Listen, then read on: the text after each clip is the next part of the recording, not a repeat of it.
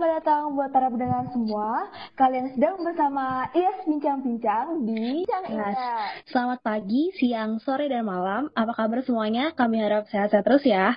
Oke, Mm-mm. beberapa menit ke depan kalian akan ditemani oleh kita, host baru. Yeay! Aku Fani dari Public Relations IOP 11.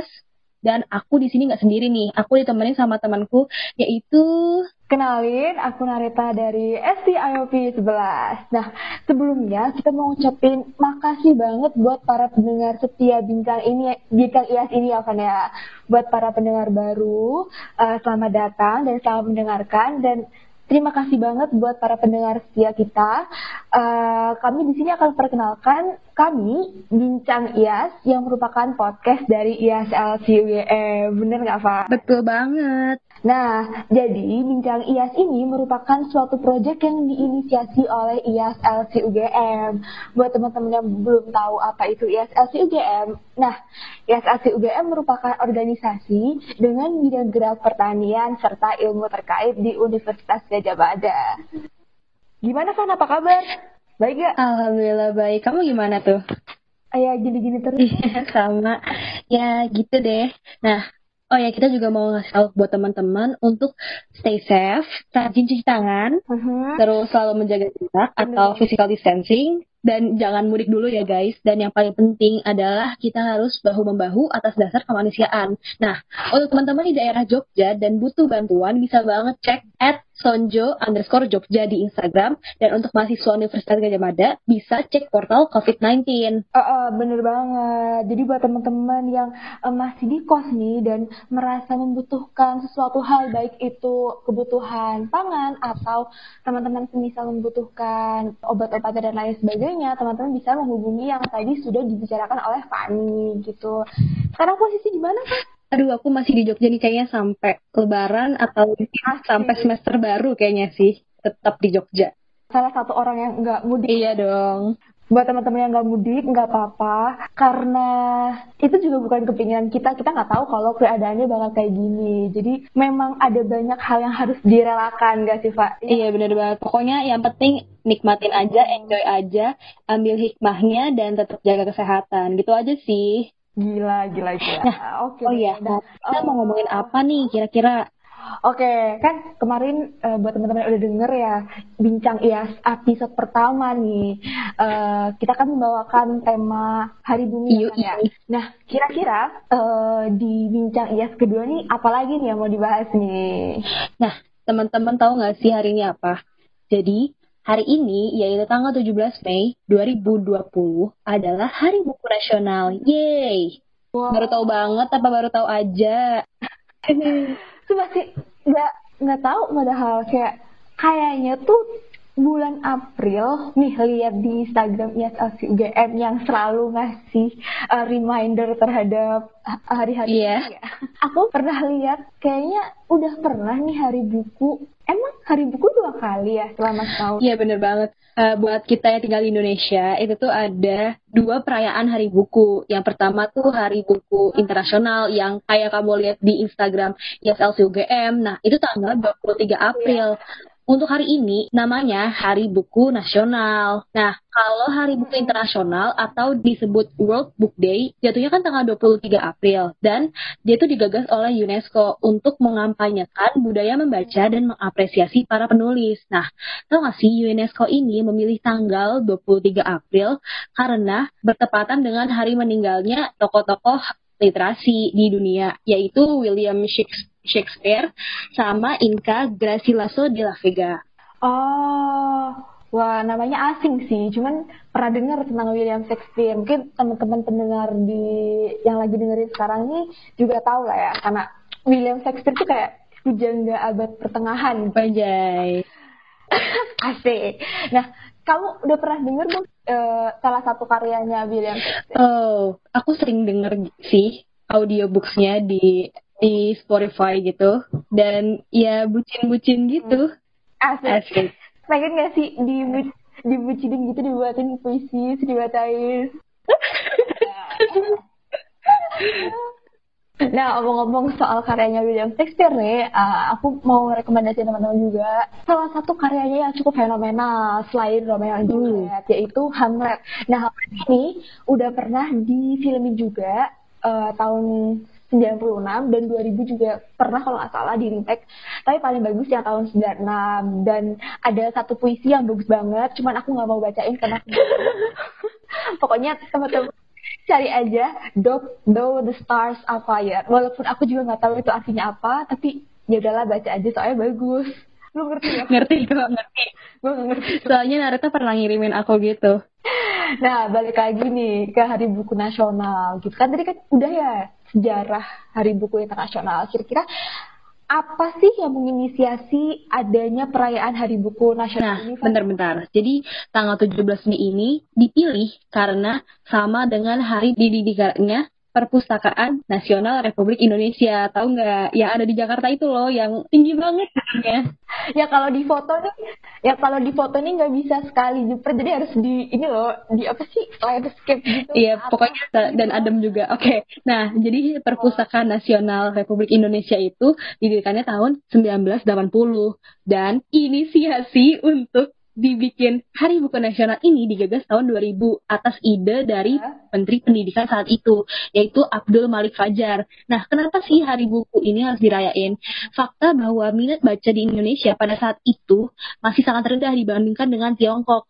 Minat baca masyarakat Indonesia rata-rata hanya 18.000 judul buku per tahun, sedangkan minat baca masyarakat Tiongkok itu rata-rata 140 ribu judul buku per tahun. Nah, maka dari itu, Menteri Pendidikan ingin Indonesia memiliki Hari Buku Nasional untuk meningkatkan minat baca masyarakat. Gitu. Oh, bener banget sih. Bahkan ya, kan itu uh, data tahun 2002 yeah. ya. Dulu aku pernah searching juga kalau menurut most literate nation in the world yang dilakukan oleh Central Connecticut State University pada Maret 2016 lalu, Indonesia dinyatakan menduduki peringkat ke-60 dari 61 negara. Soal minat baca. Kayak miris nih sih, ibarat kata kamu ranking satu, tapi ranking satunya tuh dari, eh ranking dua, tapi ranking dua itu dari Padahal, padahal lewat baca tuh kita bisa dapetin segala ilmu yang kita mau apa pun yang ingin kita pelajari itu bisa diserap dari buku-buku bacaan kita. Benar banget. Dan menurut aku sendiri, walaupun ada yang bilang kayak apa sih buku fiksi itu nggak bisa buat uh, di uh, apa ya kayak uh, cari pengetahuan tuh lewat buku fiksi itu nggak mungkin gitu. Tapi menurut aku mau itu buku fiksi, mau itu buku non fiksi, bakal kasih bakal kasih kalian benefit atau bahkan healing gitu lewat buku itu. Nah, omong-omong soal baca nih, gitu kan. Terus aku dulu tuh dulu pernah uh, mengalami kesulitan dalam menyusun statement the debate. Nah, aku tanya nih ke coach aku, Kak, aku tuh susah banget buat catch up soal isu-isu terkini, terus aku nggak tahu tentang hukum dan international relation, dan aku pasti nggak kreatif waktu case building. Nah, gimana kayak kira-kira gitu. Terus kakaknya bilang tuh, kamu suka baca buku nggak? Gitu. Aku balas suka sih kak tapi jarang soalnya nggak sempet. Terus kakaknya bilang nah itu masalahnya. Aku waktu itu langsung sangat sedih dong kayak nyatanya kita emang susah banget gitu loh buat bagi waktu kita untuk baca buku. Dan kadang di antara apa ya tumpukan lapar itu kalau kita bosan atau kita lagi penat kita lebih milih buat nonton film atau streaming Netflix gitu kan. Bener banget. Itu aku banget gak sih? Kita semua banget. Kita semua. Dan sebenarnya nggak apa-apa nggak apa-apa kalau kalian emang lebih milih buat streaming atau apa uh, menyalurkan itu lewat uh, film atau apa sebagainya.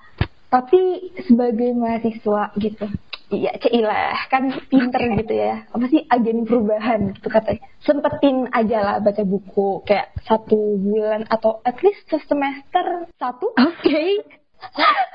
Lo semester ini baca Aduh. Buku, Tapi ini salah satu hikmah sih yang diambil dari adanya pandemi ini dan adanya work from home. Jadi di semester ini tadinya tuh aku nggak baca buku sama sekali jarang banget baca buku kayak cuman fiksi itu pun cuma satu per semester yang kayak kamu bilang nah aku di semester empat ini nih aku baca tiga dan uh. lagi jalan empat kayak jadi meningkat banget oh, sih meningkat tambah dua gitu respect Respect. Respect. Respect. Press F. Nah, dari empat buku yang lo baca ada yang mau yang bagus banget gitu, terus mau lo rekomendasiin ke para pendengar gitu biar uh, pada baca yang lo baca. Ada. Oh, kalau buat para pendengar, sebenarnya gue ada sih, tapi kayaknya cocoknya buat lo atau mungkin buat para pendengar juga yang uh, concern sama self development atau self improvement. Nah, ada nih karya dari James Clear yaitu Atomic Habits, an easy and proven way to build good habits and break bad ones. Ini oke okay banget buat kalian-kalian semua para uh, orang-orang yang ingin menjadi orang yang lebih baik dengan kita mengubah habit-habit yang sangat kecil dan konsisten. Itu oke okay banget. Dan di sini ada salah satu yang bikin gue seneng banget suatu statement bahwa kalau misalnya kita ngeset goals, kita bakalan bahagia di saat goals itu terpenuhi. Tapi kalau misalnya kita ngeset sistem, kita bakal bahagia saat kita menjalankannya juga. Jadi kita bahagia saat menjalankan dan saat mendapatkan apa yang kita mau juga. Kayak enak banget gak sih kalau kayak gitu? Jadi nggak stres banget juga.